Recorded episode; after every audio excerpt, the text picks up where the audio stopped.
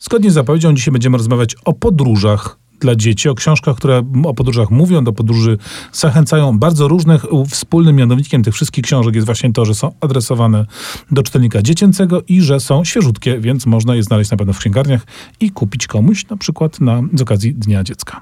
I zaczynamy od podróży niedalekiej, przynajmniej z naszej perspektywy, do Boskopca, Boskopca Kościuszki, z którego mówimy, widać czasami całkiem nieźle, Tatry. Tak, e, a za książkę o Tatrach odpowiedzialna jest Trójka. Trójka w składzie Barbara Gawryluk, znana pisarka dla dzieci przede wszystkim. I Paweł, tłumaczka ze szwedzkiego. Tak, Paweł Skawiński, znany i wieloletni dyrektor Taczańskiego Parku Narodowego i Adam Pękalski, który jest grafikiem i ilustratorem.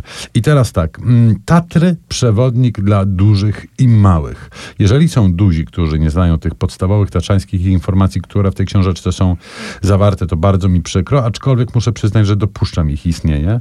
Natomiast myślę sobie, że dla każdego e, malca ta książka będzie absolutnie totalną gratką, bo jak jest się już osobą starszą i taką bardziej górsko wysmakowaną, powiedziałbym, to można się rozmarzyć, tak jak siedzący po mojej prawej stronie Tomasz na przykład w Beskidzie Niskim, można się rozmarzyć w jakichś gorcach i tak dalej, i tak dalej. Natomiast jak ma się lat pięć albo sześć, to nic nie robi takiego wrażenia i nic nie wzbudza takich emocji jak Tatry. I dlatego no bo muszą być skały szpiczaste.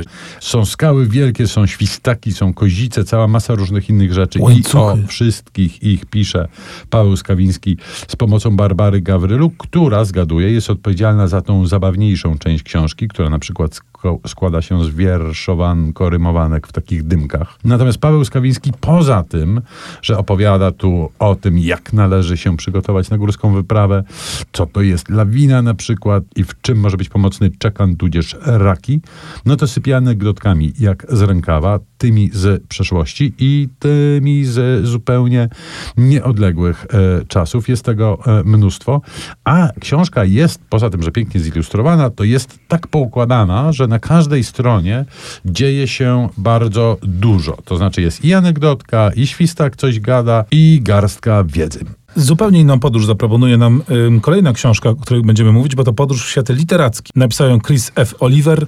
Rzecz nazywa się Atlas Miejsc Literackich i to jest, no właśnie, atlas składający się z 30 rozdziałów, które zaprowadzą nas do 30 światów y, wyimaginowanych, y, fikcyjnych, stworzonych przez różnych autorów y, literatury i dziecięcej, i młodzieżowej, i tej całkiem dorosłej, by tam na przykład do Orwellowskiego. No właśnie, jakiś przykład.